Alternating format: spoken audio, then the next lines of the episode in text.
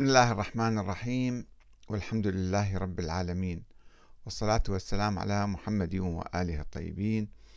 ثم السلام عليكم أيها الأخوة الكرام ورحمة الله وبركاته. أه قبل أيام نشرت مقطعا للدكتور الفاضل عدنان إبراهيم. أه نقل هو دقيقة دقيقة ونص تقريبا نشرته في الفيسبوك.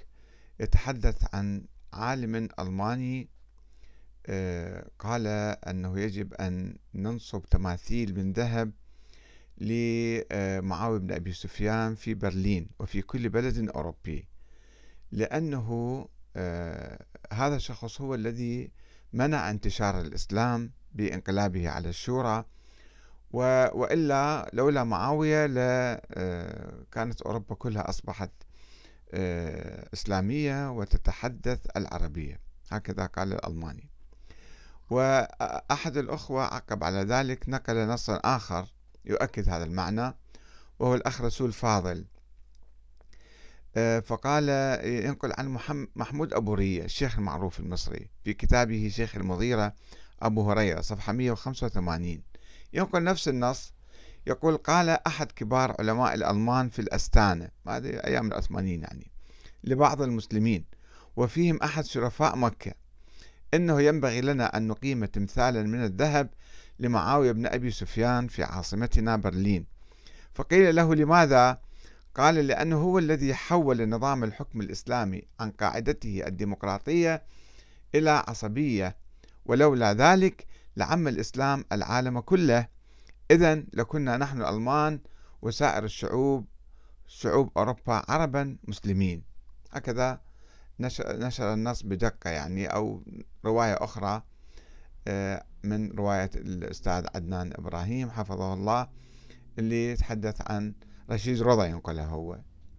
أيضا معاصر تقريبا هو لمحمود أبو رية في الحقيقة آه، يعني هذا النقد لمعاوية والأمويين أنا دائما أنتقد آه، وكثير من المسلمين حتى من أهل السنة يعني ينتقدون معاوية على تحويله نظام الخلافة من الشورى إلى الوراثة القيصرية الكسروية كما اتهمه آه، الصحابة في ذلك الحين. والسيدة عائشة أيضا انتقدته على ذلك على تعيين ابنه يزيد يعني من بعده وسبب آه، الحروب الثورات والقتل العام ووقعت كربلاء ووقعت الحرة وتعرفون التاريخ الطويل الذي آه، جرى أنهارا من الدماء. آه، أحد الأخوة يقول آه،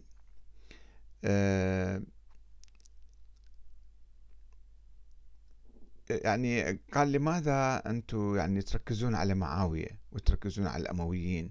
ما هو كل التاريخ الإسلامي العباسيون والفاطميون والعلويون كلهم اعتنقوا حتى زيدية يعني أنا أقول من عندي تقريبا تحولوا إلى نظام الوراثة بعد أن كانوا يؤمنون بالشورى مثلا في بداية عهدهم.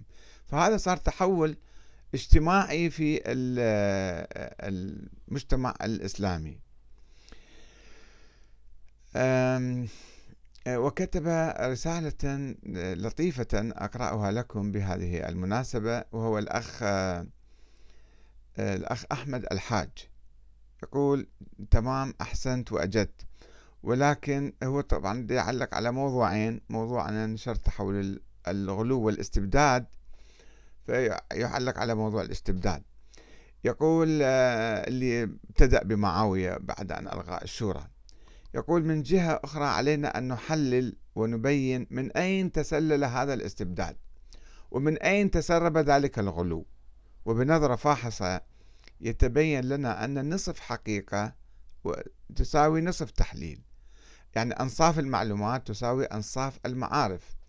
إذ أن المشكلة وأرجو المعذرة من هذا المصطلح إلا أنني مضطر لإطلاقه ونحته ألا وهو السني شيعية. أو الشنسيعية الظاهرة القمئة التي حشت عقول أتباعها وأرضعتهم أنصاف حقائق على مر التاريخ. وهذه الأنصاف هي السبب الرئيس في الغلو والتطرف والاختلاف لدى الطرفين. وأضرب مثالا للتوضيح. موقعة الحرة. لم يأتي على تناولها ولا ذكرها بإسهاب ولا حتى باقتضاب لا السنة ولا الشيعة. مع أن مرتكبي مجرتها هم أنفسهم مرتكبو جريمة قتل الحسين عليه السلام وآل بيته وسبي الباقين في كربلاء. وأن الثورة إنما خرجت كرد فعل لما حدث في الطف ثورة أهل المدينة. وكان من المفترض من الشيعة أن تلطم على هذه المجزرة كما تلطم على الطف لأن عديد من قتلوا في الحرة ألف بل عشرة آلاف مو فقط ألف ألف فقط من الصحابة. جلهم من الصحابة والتابعين جلهم من الأنصار والمهاجرين جلهم من الفقهاء والحفاظ. ولأنها قد استباحت مدينة رسول الله ثلاثة أيام بلياليها حتى أن زين العابدين بن علي آه، آه، ابن ابن الحسين هو بالحقيقة علي بن الحسين كان على وشك أن يفقد عنقه فيها على يد قائد جيش الشام. لولا عهد سبق إعطاؤه له ينص على عدم التعرض له بسوء. والشيعة لم يلطموا على الحرة لأنهم يريدون احتكار المظلومية التاريخية وما يترتب عليها من ثورات ومعارضات وتعاطفات ومكاسب. السنة بدورهم لم يتناولوا الحرة ولا الدماء الزكية التي سالت فيها لأنها تتعارض مع مبدأ طاعة ولي الأمر. الذي اتخذوه لهم منهجا. ولأن وعاظ السلاطين في الشام لم يشاءوا تسليط الأضواء عليها. والتاريخ يكتبه المنتصرون كما تعلمون. ولأن تأييد هذه الثورة والبكاء عليها من شأنه أن يفتح الأبواب على مصاريعها لتأييد كل الثورات التي تخرج على الحكام مستقبلا. ما دفع العباسيين لغض الطرف عن آه، لغض الطرف عن عن المجزرة. كذلك مع أنها تدين غرمائهم الأمويين. لماذا؟ لأن الحديث والبكاء على ثورة آه، أجهضت تأييد ثورات في طريقها إلى القصر مستقبلا. أن هذا تساهم في تشجيع الناس على الثورة. كذلك الحال مع ثورة الفقهاء والقراء. ثورة ابن الأشعث. الشيعة أهملوها لأن كل قتلاها من السنة حصرا.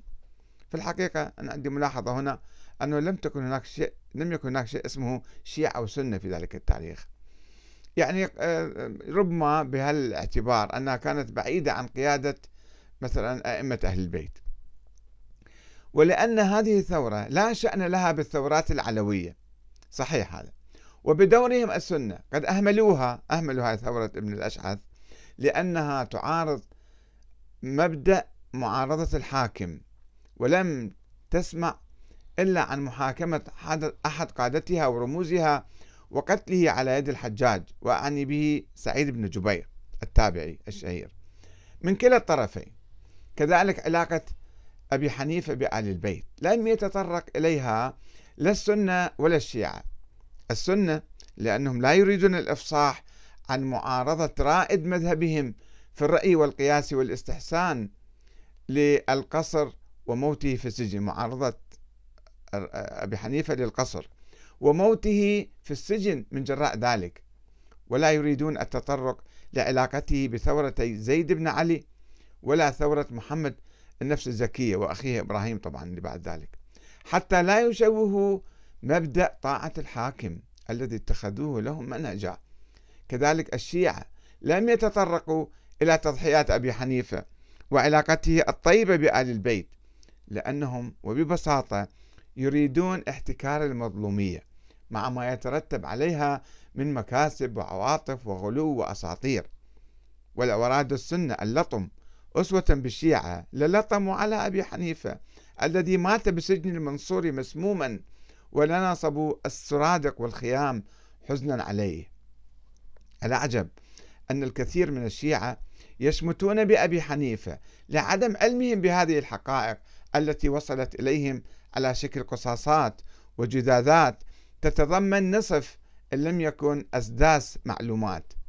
علما أن أبا حنيفة قد أيد ثورة محمد النفس الزكية فيما عارضها جعفر الصادق في وقته حتى لا تسيل الدماء مجددا كما سالت في بقية الثورات.